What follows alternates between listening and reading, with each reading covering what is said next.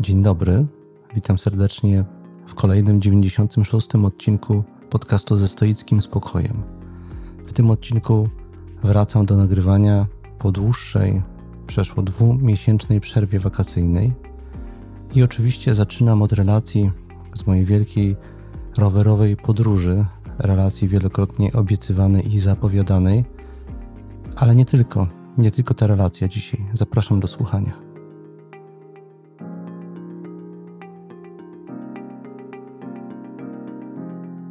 Zatem jeszcze raz witam serdecznie po dłuższej przerwie, po przerwie dwumiesięcznej.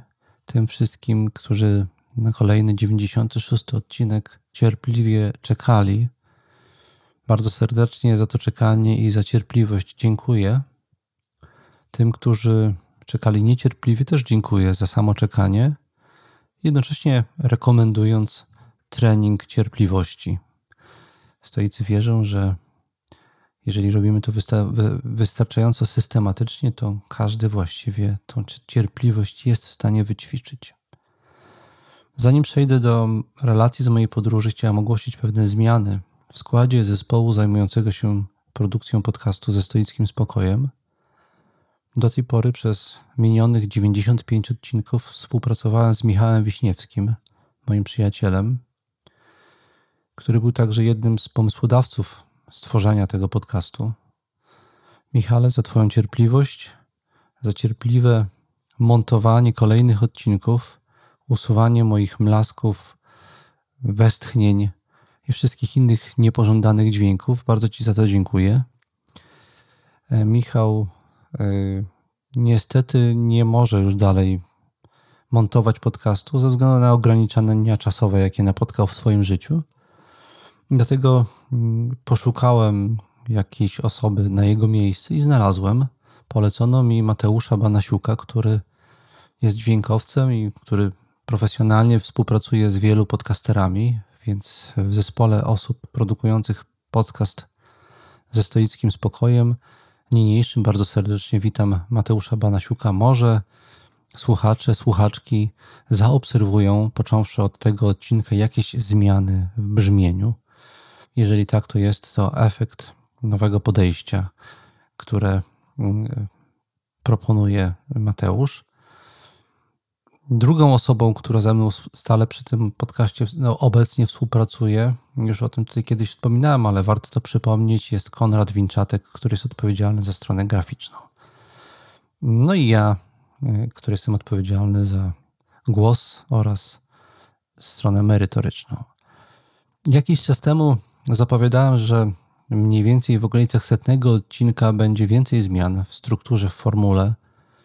E, chciałbym zmienić oprawę muzyczną nieco, nieco chciałbym zmienić koncepcję.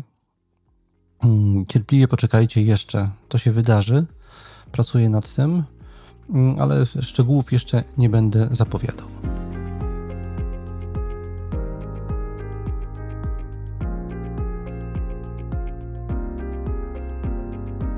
Zatem przechodzę już do mojej relacji, co oczywiście nie jest łatwe, bo ona ma bardzo wiele aspektów. Tam było bardzo wiele przygotowań. Potem ona trwała bardzo długo.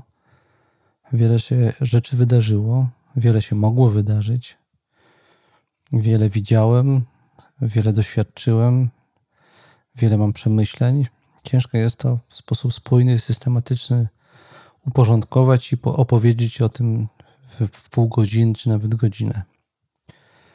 Mogę zacząć od tego, że rower zawsze był obecny w moim życiu. Od najmłodszych lat ta forma ruchu i ta forma aktywności, wypoczynku mm, wzbudzała moje zainteresowanie i entuzjazm. Pamiętam, że jako bardzo młody chłopak na przełomie lat 70., 80.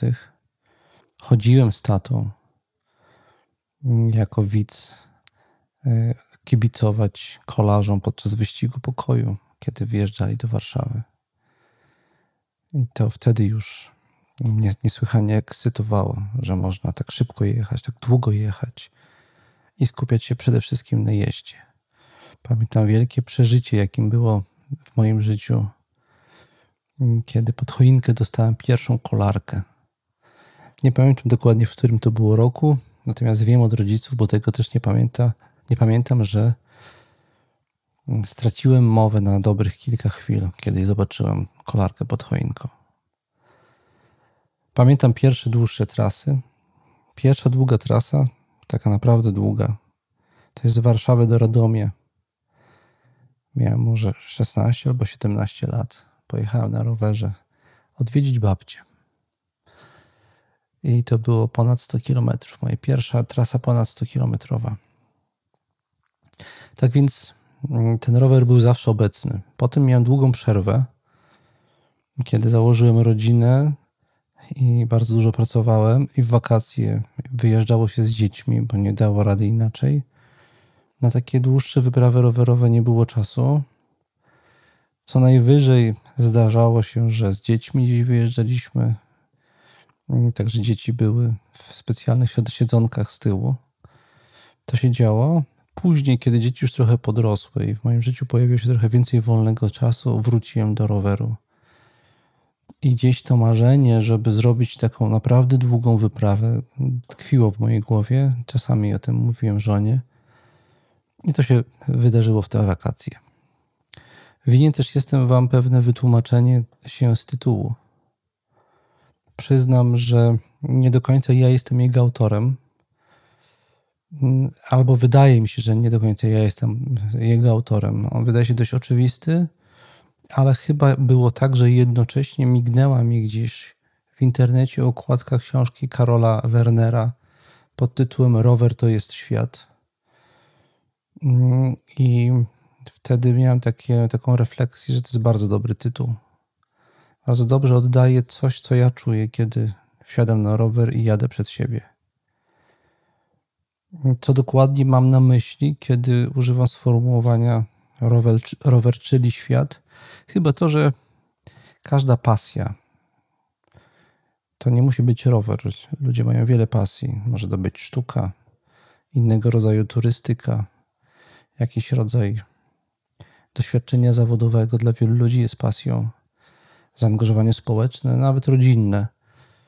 Też można to, do tego podchodzić y, za pośrednictwem słowa pasja. Każde z, takie, z tych doświadczeń właściwie można opisywać za pomocą tego sformułowania, że ono zastępuje świat, że ono jest całym światem. I to w pierwszej intuicji, w pierwszym odruchu tak bym to wyjaśnił. Żeby to bliżej wyjaśnić, mm, chyba bym najchętniej powiedział o poczuciu kompletności. Kiedy jestem na rowerze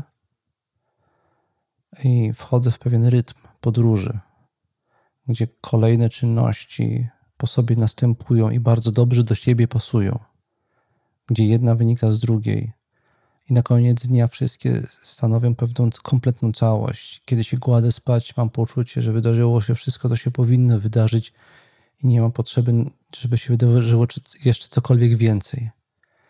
Tego rodzaju kompletność y, mam na myśli, kiedy mówię, że rower to jest pewnego rodzaju cały świat dla kogoś, kto w tym doświadczeniu uczestniczy. I tak to wyglądało podczas mojej podróży. Wyglądało to tak, że wstawałem rano między siódmą a ósmą. Zbierałem się, jadłem śniadanie i w okolicach dziesiątej wy, wyruszałem. Potem była podróż i takie zatopienie w ruchu.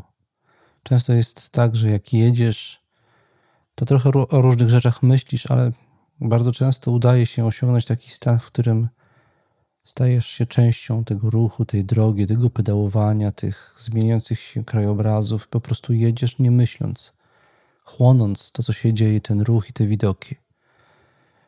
Mm, I to jest bardzo unikalny sposób kontaktu z samym sobą i ze światem.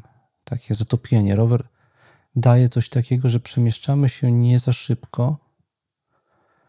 Nie mamy czasu na to, żeby się przyjrzeć, rzeczom, które mijamy, zatrzymać, jeżeli chcemy, popatrzeć bliżej i uważniej. Ale też z tym mi się wiąże wysiłek. Masz to poczucie, że ten ruch, że ty go robisz własnymi mięśniami. W tym sensie jesteś częścią tego, te, tego dziania się. I można się zatopić w tym, w tym ruchu i w tym byciu w ruchu. Więc potem to trwało kilka godzin zawsze, między 4 a 6 godzin zazwyczaj jeździłem. Rzadko krócej i rzadko dłużej. Najdłuższa moja trasa to było 85 km, zdaje się. To wtedy było powyżej 6 chyba godzin jazdy. I kiedy dojeżdżałem na miejsce, to pierwszą rzeczą, jaką robiłem, to się oczywiście akomodowałem. Połowa moich noclegów to były kempingi, druga połowa to były hotele, hoteliki, które wynajdywałem z dnia na dzień zazwyczaj, wykorzystując różne promocje i okazje. Więc mm, po przyjechaniu na miejsce między 14 a 18 zazwyczaj dojeżdżałem, mm, akomodowałem się e, i zajmowałem się e, posiłkiem po podróży, po godzinie, półtorej odpoczynku. To był pierwszy posiłek taki większy. Po posiłku zazwyczaj miałem kolejny moduł aktywności y, podróżniczej, planowanie kolejnego dnia. Zastanawiałem się, jaką mam kondycję, wsłuchiwałem się w to, jak się czuję i co, gdzie bym chciał dojechać następnego dnia. Patrzyłem na mapę, rozważałem różne opcje, wybierałem miejsce, do którego dojadę. Jeżeli wymagało to rezerwacji nocy, to, to rezerwowałem, jeżeli nie, to nie. Potem był czas na to, żeby pokręcić się po okolicy, jeżeli była atrakcyjna, a potem czas na czytanie i pisanie. W czasie mojej podróży zacząłem pisać, a właściwie wróciłem do pisania książki, którą jakiś czas temu zacząłem i jej pisanie zarzuciłem tymczasowo, mm, ponieważ jest to książka wybitnie wymagająca kreatywności, to właśnie na tego typu pracę szczególnie miałem ochotę podczas podróży chyba jest zależność między wysiłkiem fizycznym a kreatywnością. Nie znam danych psychologicznych, które by to potwierdzały, ale mam taką intuicję. Gdzieś kiedyś czytałem, że wysiłek fizyczny intensywny ma bezpośredni wpływ na produkcję nowych połączeń nerwowych w mózgu, które potem wymagają zagospodarowania, bo inaczej się nie utrwalają.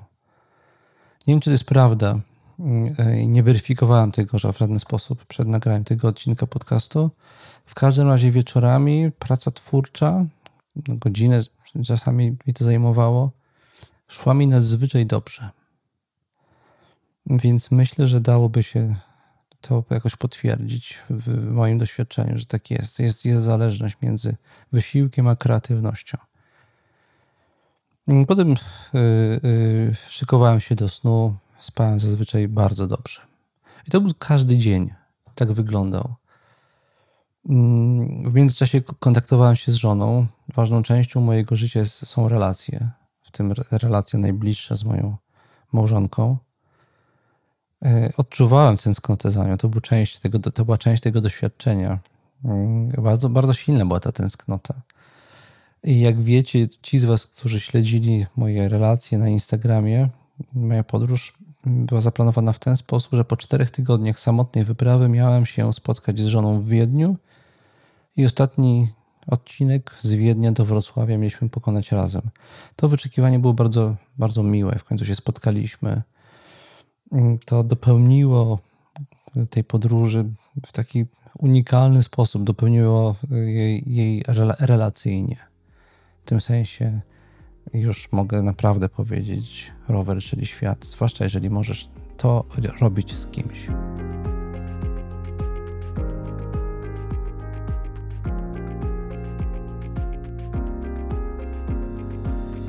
W związku z tą kompletnością mojego doświadczenia wyjazdowego, mojej podróży, y, muszę się zwierzyć, że doświadczyłem po powrocie pewnego zdumienia. Doświadczyłem czegoś, czego się nie spodziewałem po prostu bardzo. Bardzo mnie to zaskoczyło.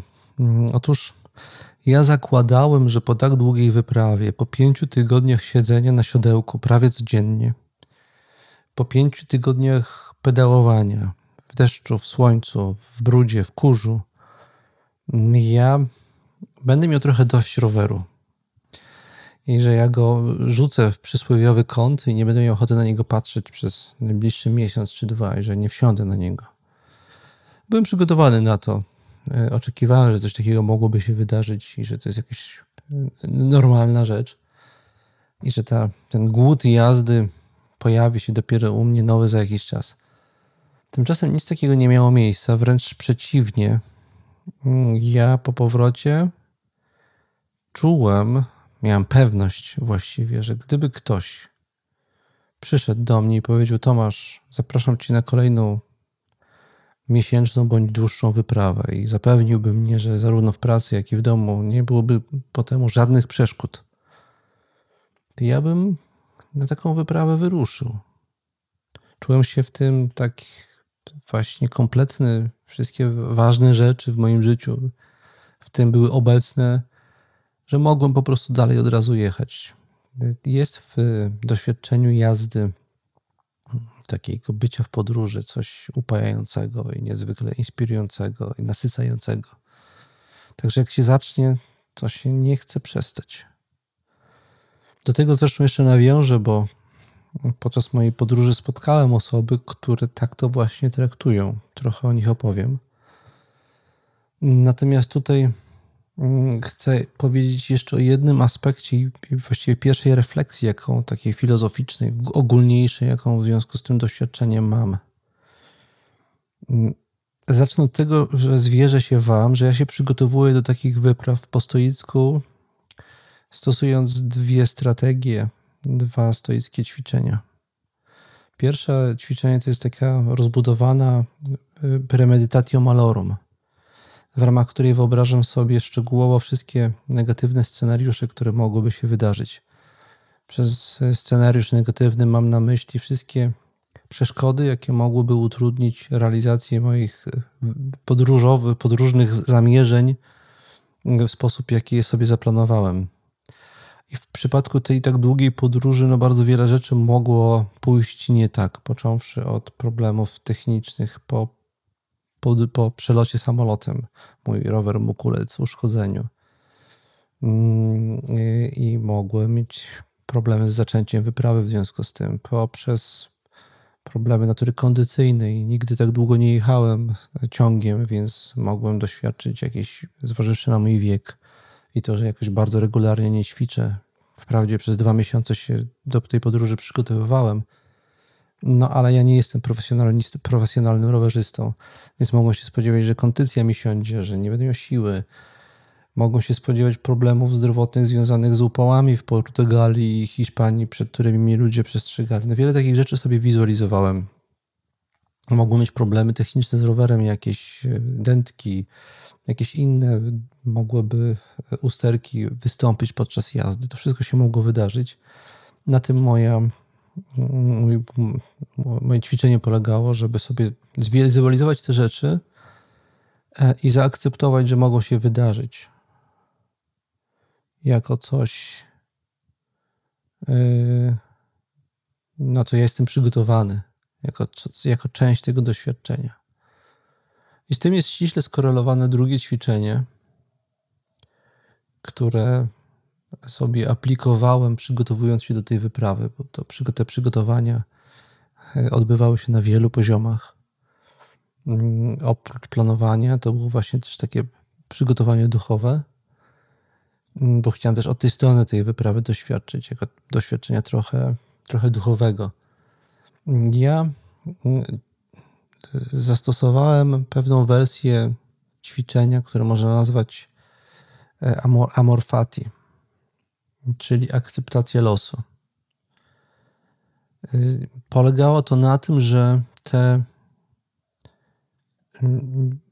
mniej atrakcyjne aspekty podróży, zmęczenie, jazda pod górkę, awarie, nieprzyjemności ze strony ludzi, problemy zdrowotne, wszystko to, co mogłoby się wydarzyć podczas podróży i to zazwyczaj jest przez ludzi niepożądane.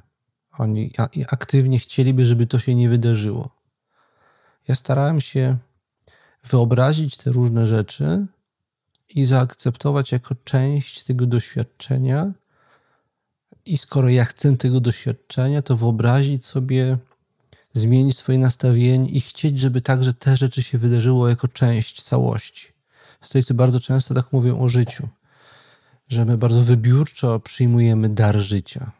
A daru nie można wybiórczo przyjmować, trzeba brać go jako całość. Życie ma różne aspekty, zarówno przyjemne, jak i nieprzyjemne. Jeżeli odpowiednio zmienimy nastawienie, to te nieprzyjemne może uda nam się traktować jako przyjemne. I ja dość intensywnie pracowałem nad tym, żeby każdy potencjalnie niepożądany aspekt wycieczki traktować właśnie jako pożądany, jako coś, na co ja się pisałem. Jedziesz na tak długą wyprawę rowerową, to piszesz się na wiele różnych przeciwności. Jeżeli chcesz czerpać z tego głęboką satysfakcję, nie traktuj ich jako przeciwności, tylko jako element tego doświadczenia. Po prostu. Ja tak, tak robiłem. Mm, w jednym z nagrań, które wrzuciłem na Instagramie, na Instagramie y, y, jednej z relacji z moich podróży, odniosłem się do jednego z aspektów tego doświadczenia, które podczas jazdy uprawiałem. Zazwyczaj jest tak, że jak jest bardzo długie wzniesienie, to człowiek zaczyna się zrzymać i, i, i z niecierpliwością czeka, kiedy ono się skończy i chciałby już jechać w dół, albo chociaż po równym.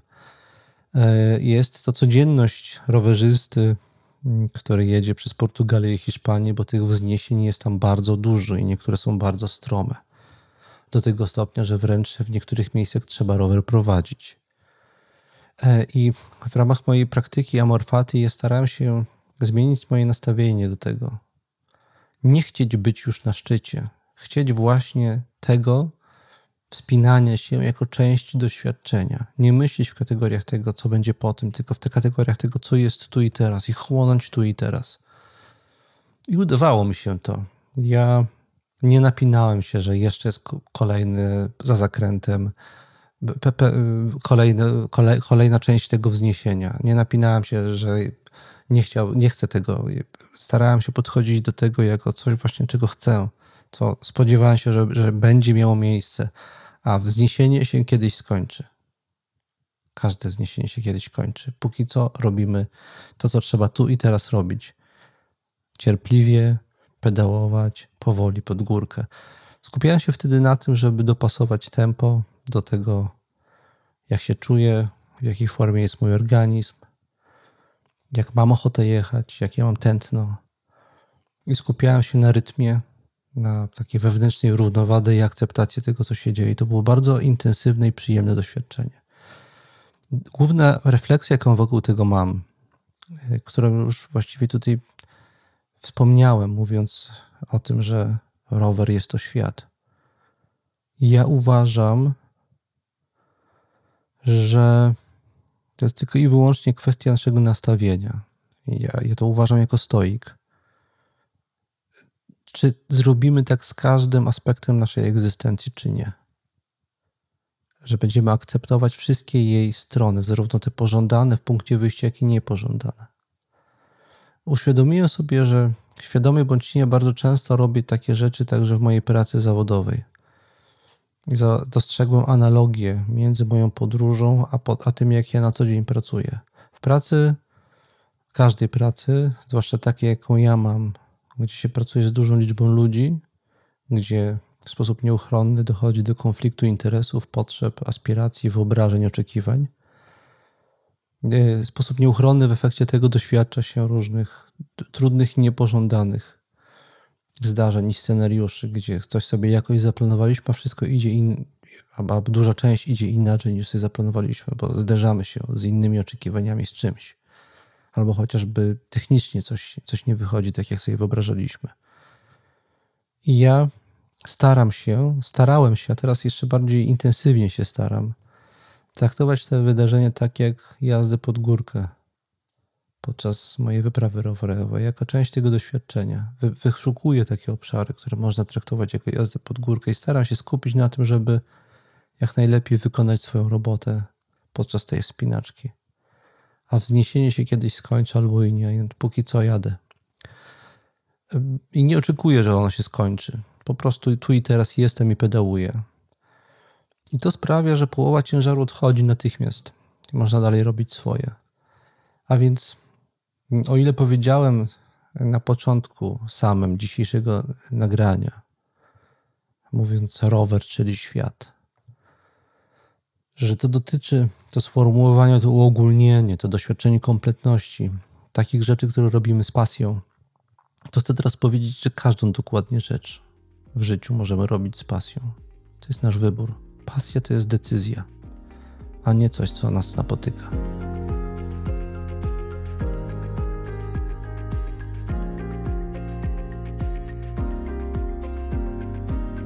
Uświadomiłem sobie mm, teraz, że osoby, które nie śledziły moich relacji na Instagramie, albo też takie, które nie napotkały we wcześniejszych odcinkach podcastu zapowiedzi mojej podróży, mm, może potrzebowałyby więcej szczegółów na temat tego, jak ona przebiegała, a więc teraz je przedstawiam. Ja mm, zaplanowałem sobie to w ten sposób, że samolotem razem z rowerem poleciałem do Lizbony tam na lotnisku rower wypakowałem, zmontowałem, bo był mocno rozłożony, żeby zmieścić się do specjalnego pudła. Przebrałem się w strój rowerowy i wyruszyłem w podróż. Pierwszy nocleg miałem zarezerwowany w kempi, na kempingu 40 km od lotniska. I tutaj doświadczyłem pierwszego zdumienia czy zaskoczenia. Trochę coś poszło nie do końca zgodnie z moim planem. Spodziewałem się, że z tego lotniska, jak wyruszę, samolot przyleciał o 17 Miałem wyruszyć po zmontowaniu roweru koło 18. Wyruszyłem w sumie koło 18.20. Sądziłem, że do tego kempingu będę jechał około dwóch godzin, podczas gdy warunki tam w Lizbonie, wiatr i góry były takie, że jechałem na ten kemping 3,5 godziny i dojechałem w nocy. I byłem, yy, miałem pierwsze przypuszczenia, że yy, odległości, jakie zamierzałem pokonywać codziennie, są być może zbyt optymistyczne. Musiałem to w ciągu kilku następnych dni mocno zweryfikować. Góry i wiatr. Sądziłem, że mogę robić dziennie od 80 do 100 kilometrów, ale bez przeforsowania się, nie chcąc doświadczyć e, nadmiernego wysiłku, musiałem zredukować tą ilość kilometrów i później jeździłem między 60 a 80. E, I jeździłem wytrwale z niewielkimi przerwami, to znaczy dwa razy miałem tak, że robiłem sobie dzień przerwy. Mm, jechałem wzdłuż wybrzeża Portugalii do Porto, przez Porto dalej do granicy z Hiszpanią, przez Santiago de Compostela, La Corunę, potem wzdłuż północnego wybrzeża Hiszpanii, e, przez Galicję, kraj Basków. Dojechałem do Santander i z Santander leciałem samolotem drugi raz do Wiednia, gdzie się umówiłem z żoną i tam spotkałem się w Wiedniu z żoną i z Wiednia razem już jechaliśmy do mm, Polski przez Czechy, Morawy. E, we Wrocławiu skończyliśmy podróż, wsiedliśmy w pociąg, który zawiózł nas do Warszawy. Taki był plan. Liczbowo, te liczby, które mogłyby Was zainteresować, w sumie przejechałem, e, wliczając to ten odcinek, który przejechałem z żoną, 1660 km. Przygotowując się do podróży różnych, w ramach różnych treningów, przejechałem jakieś 500-600 km. Może trochę więcej, w zależności od tego, od kiedy zacząć liczyć przygotowania, czy powiedzmy, że do 1000 km przejechałem. Tym, co mnie zdziwiło trochę, po tym jak już dostosowałem ilość kilometrów do swoich możliwości, gdzie zresztą starałem się odrobinę tą poprzeczkę podnosić, ale niezbyt radykalnie. Tym, co mnie zdziwiło, to forma. Organizm się dostosowuje. Pierwszych kilka dni było trudnych, czułem y, zmęczenie. Przejawiało się to na przykład w tym, że nie czułem głodu. Jak jechałem już po, po tych 3-4 godzinach, w ogóle nie czułem głodu. Dopiero po przyjechaniu, po dwóch godzinach odpoczynku, byłem gotów coś zjeść. Tymczasem po tygodniu mniej więcej jazdy ta forma za, zaskoczyła, załapała mm, i czułem się świetnie, mogłem jechać i jechać y, i czułem głód w czasie jazdy. to, to się w pewnym momencie włączyło. Jest to niezwykłe, jak organizm dostosowuje się do systematycznego wysiłku, gdzie i, i czerpie z tego taką radość, mm, satysfakcję głęboką z tego ciągłego, ponawianego wysiłku. I czuje człowiek, ja czułem to, że w tym moim organizmie wszystko dobrze działa. Różne bóle czułem związane z moim trochę jednak siedzącym trybem pracy w różnych częściach ciała. Sądziłem, że to będzie mi doskwierać. Po dwóch tygodniach jazdy, dwóch, trzech tygodniach jazdy nic mnie absolutnie nie bolało. Ani pupa, niektórzy spodziewali się, że tutaj będę doświadczał bólów, ani kolana, ani y, ramię, które miałem kontuzjowane rok wcześniej. Nic mi nie bolało specjalnie. To było zaskoczenie. Sądziłem, że będę musiał zmagać się z różnymi bólami. Nie, nic takiego nie czułem. Czułem się wręcz e, odmłodzony. To samo mówił o, tej, o swoim doświadczeniu spotkany przeze mnie po drodze Amerykanin. Wspomniałem, że o niektórych moich takich doświadczeniach spotkań powiem. E, otóż to jest człowiek, który e, też przyjechał do Lizbony, przyleciał samolotem z Ameryki z rowerem. Doświadczył przygód, których ja nie doświadczyłem, a spodziewałem się, że mógłbym doświadczyć, bo jemu zdarzyło się to, że jego rower nie doleciał i cały jego bagaż właściwie gdzieś zaginął. Musiał tydzień czekać na, swoje, na swój sprzęt cały wyprawowy w Lizbonie, w jakimś hostelu się zaszył z niewielką ilością ubrań, które miał podręczną.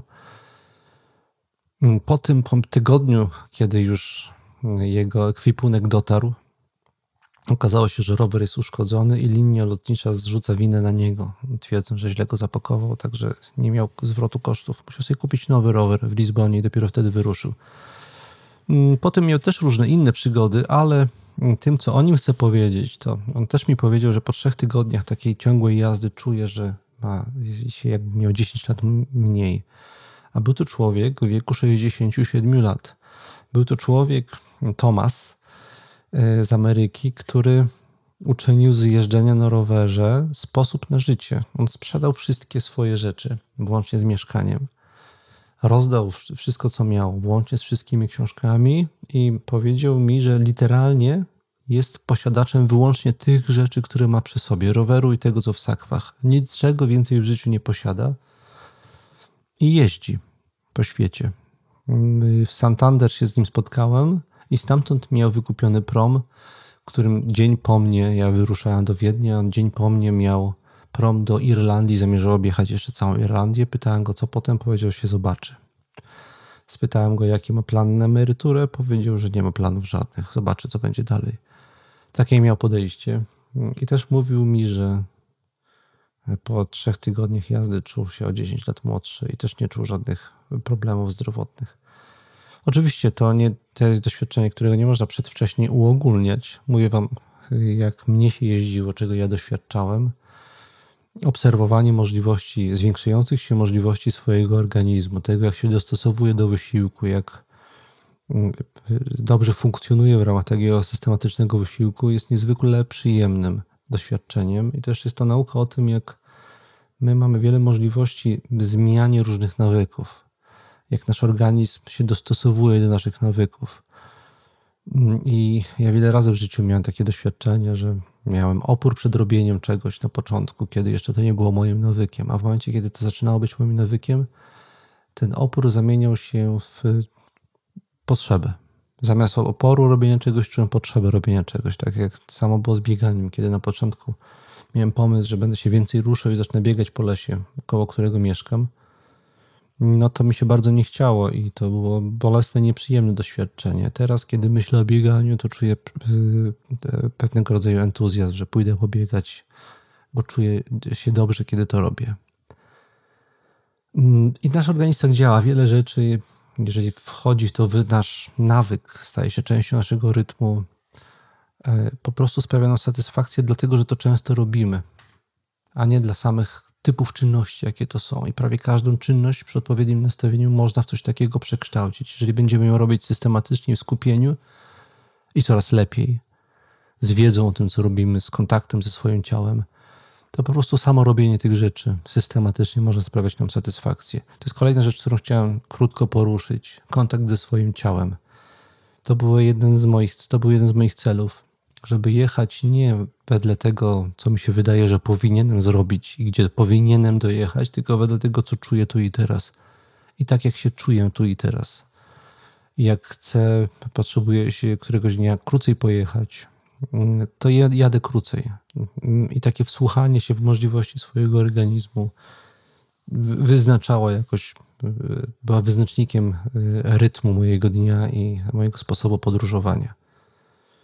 Efekt był taki, jak powiedziałem na koniec. Czułem się niezwykle dobrze z tym. I do tych zdumień, zdziwień dorzuciłbym jeszcze to, że nie miałem żadnych kłopotów technicznych ani logistycznych podczas podróży. Wszystko, co sobie zaplanowałem, wbrew temu, co przewidywałem, że może się wydarzyć nie tak, poszło dobrze. Zarówno pierwszy przelot technicznie skończył się dobrze, drugi przelot z Santander do Wiednia po złożeniu i rozłożeniu roweru też wszystko się powiodło. Mm, wszędzie dojechałem na czas, nigdzie nie miałem żadnych kłopotów. Na drogach w Portugalii, w Hiszpanii czułem się bezpiecznie, dużo bezpieczniej niż w Polsce. Miałem bardzo dobrą aplikację do zarządzania tą podróżą. Mm, w sumie ogólnie było to bardzo przyjemne doświadczenie.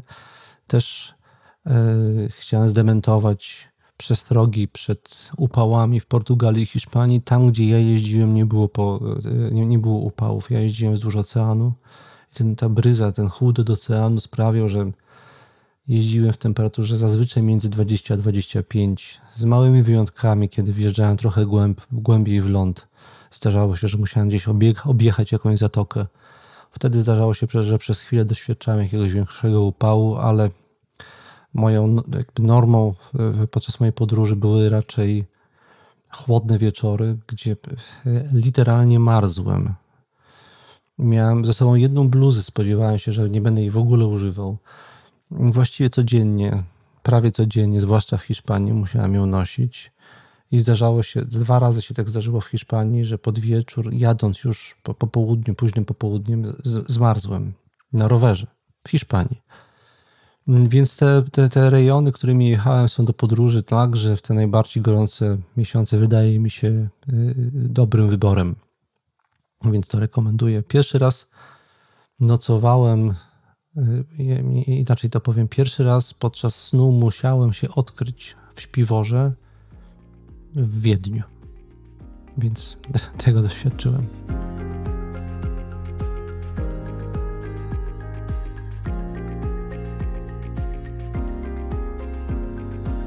Ciekawa rzecz przydarzyła mi się podczas nagrywania dzisiejszego odcinka podcastu. Nie wiem, czy to wychwyciliście.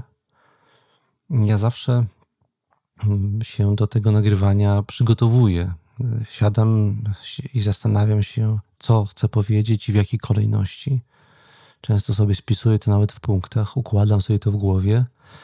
Często zdarza się jednak, że kiedy układamy sobie coś w głowie, mm, mając na celu przekazanie jakichś naszych doświadczeń czy przemyśleń w uporządkowany sposób innym, to w trakcie tego procesu, tego porządkowania jakieś rzeczy się krystalizują i wypływają na wierzch w nowych, zaskakujących postaciach.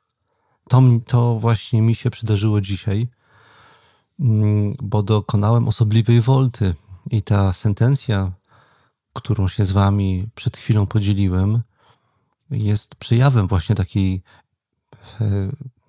intelektualnej wolty.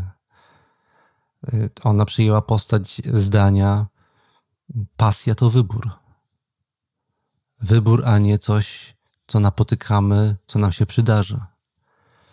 E, a jest to, ta myśl jest woltą z tego powodu, że zobaczcie, ja zacząłem dzisiejsze nagranie od podzielenia się moją pasją. Pasją, która towarzyszyła mi od najwcześniejszych lat życia i której ja jestem wierny.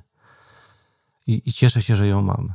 Z tego by można wywnioskować radę, zalecenie, przesłanie, że trzeba pielęgnować swoje pasje i podążać za nimi, bo one e, dają nam takie kompletne doświadczenie i nasycają nas. I właściwie to chciałem Wam powiedzieć o tej mojej wyprawie że to jest głębokie, przyjemne, intensywne doświadczenie, które we mnie osiadło i ono pozostanie ze mną na długo.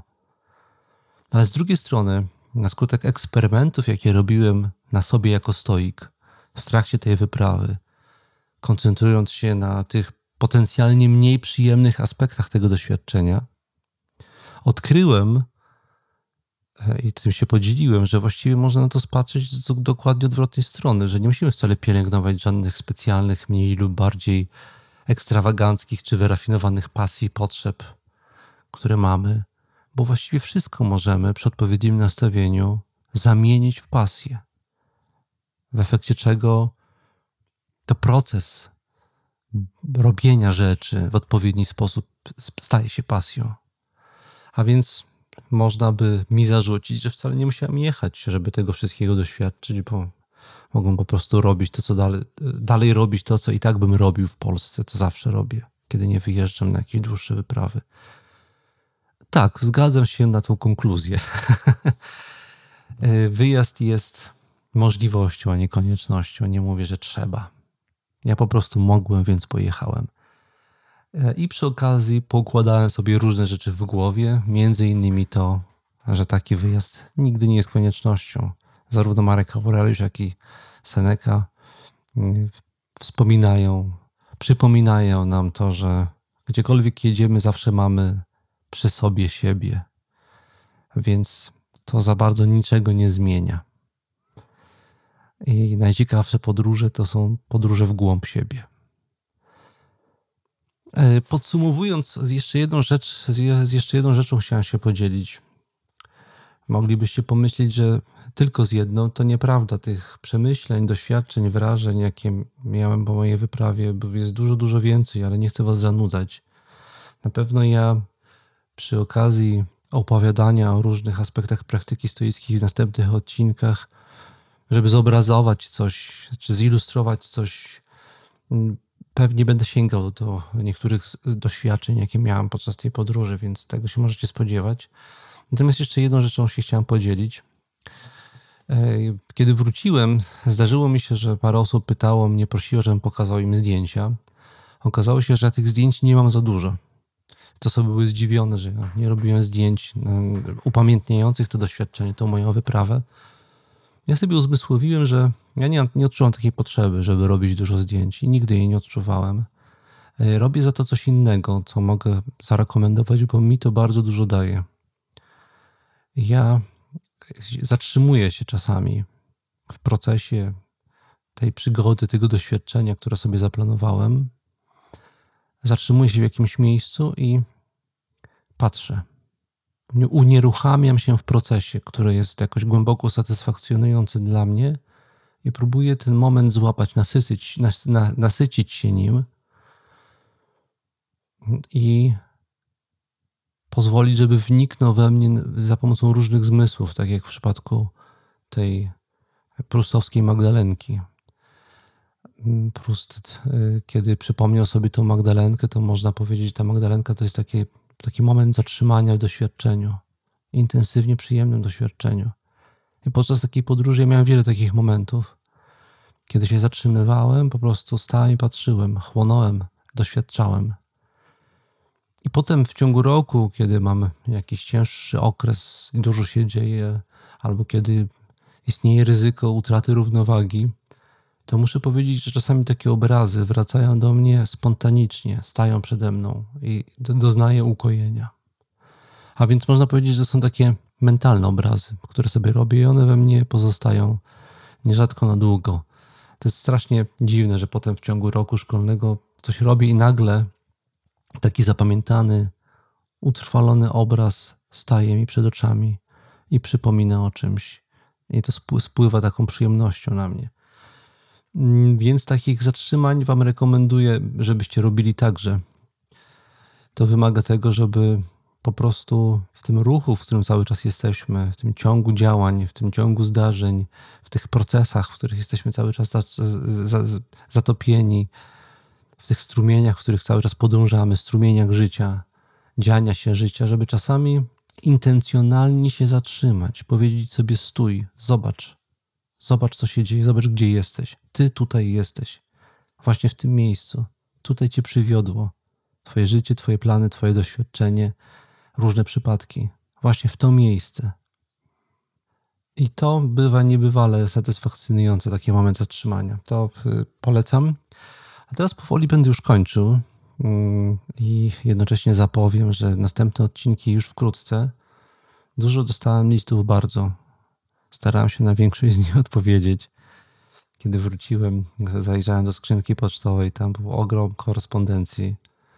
Dużo propozycji, tematów się pojawiło, bardzo ciekawych. Porządkuję to sobie. Dwa z nich wybrałem na początek. Jeden to jest temat, mm, który zawiera się w pojęciu sens.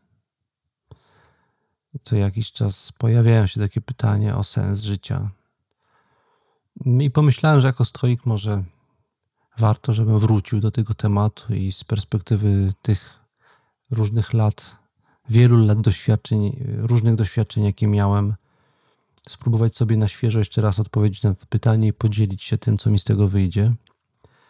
Więc e, spodziewajcie się, że jeden z następnych odcinków będzie poświęcony pojęciu i doświadczeniu sensu, a inne pojęcie, które o dziwo jakoś nigdy nie doczekało się osobnego odcinka, ani osobnego tekstu, jakiegoś namysłu mojego, aż się zdziwiłem, kiedy sięgnąłem wstecz i na to zwróciłem uwagę. Mm, chciałbym się zająć pojęciem słabości. My często doświadczamy słabości, napotykamy y, to doświadczenie na wiele sposobów. Czasami w postaci oskarżenia, czasami w postaci samooskarżenia, czasami po prostu w postaci faktu, że nie jesteśmy w stanie czemuś podołać, ale ono jakoś jest obecne w naszym życiu. Czasami jako piętno, czasami jako po prostu moment przejściowy, a czasami jako coś w rodzaju strachu, że nie podołamy. Mm, I tym doświadczeniem z perspektywy stoickiej chciałbym się zająć, poświęcić mu trochę czasu, więc tego też się spodziewajcie. Tymczasem z Wami się żegnam. Patronów, patronów i patronki y, zachęcam do wysłuchania odcinka bonusowego, gdzie chciałem jeden wątek w ciekawy sposób pociągnąć, a także powiedzieć więcej o tekście, nad którym pracowałem i których, którego fragmenty Wam prześlę. Mm, więc proszę, e, poza tym podstawowym odcinkiem, zajrzyjcie też na platformę Patronite. Tam w odpowiedniej zakładce znajdziecie odcinki bonusowe dla patronów i patronek. Tymczasem, mm, tak jak powiedziałem, żegnam się już z Wami. Za uwagę dzisiaj bardzo dziękuję i dziękuję także i w szczególności patronom, którzy i patronkom, którzy wspierają produkcję tego podcastu na, za pośrednictwem platformy Patronite. E, jest w tym gronie grupa, której dziękuję szczególnie gorąco za szczególnie hojne wsparcie. Wymienię z nazwiska tych, którzy nie są anonimowi, bo część z nich e, oznaczyła, że są darczyńcami anonimowymi, więc ich nie będę wymieniał. A ci nieanonimowi to są osoby następujące: Jacek Bryt, przepraszam, Jacek Byrt, Ludwik Sienica, Daniel Pienikowski. E, wyświetla mi się tutaj Szkoła Języka Włoskiego. Tak jest wpisany darczyńca, więc dziękuję też Szkole Języka Włoskiego za wsparcie. Mm, y, dziękuję Łukaszowi Mandzynowi, Mi Michałowi Mikosowi, Zbigniewowi Celej, Bartoszowi Szarowarowi, Beacie Stańczyk, Mateuszowi Olczykowi, Jakubowi, Jakubowi Barańskiemu, Jackowi Mędykowi, Justynie Metryce, Michałowi Lemurskiemu, Iwonie Jóźwińskiej, Joannie Pantak, Piotrowi Skronikowi i Asenacie Szczęsny. Bardzo Wam za wsparcie dziękuję. Jest to bardzo ważne dla mnie, że to robicie. Do usłyszenia.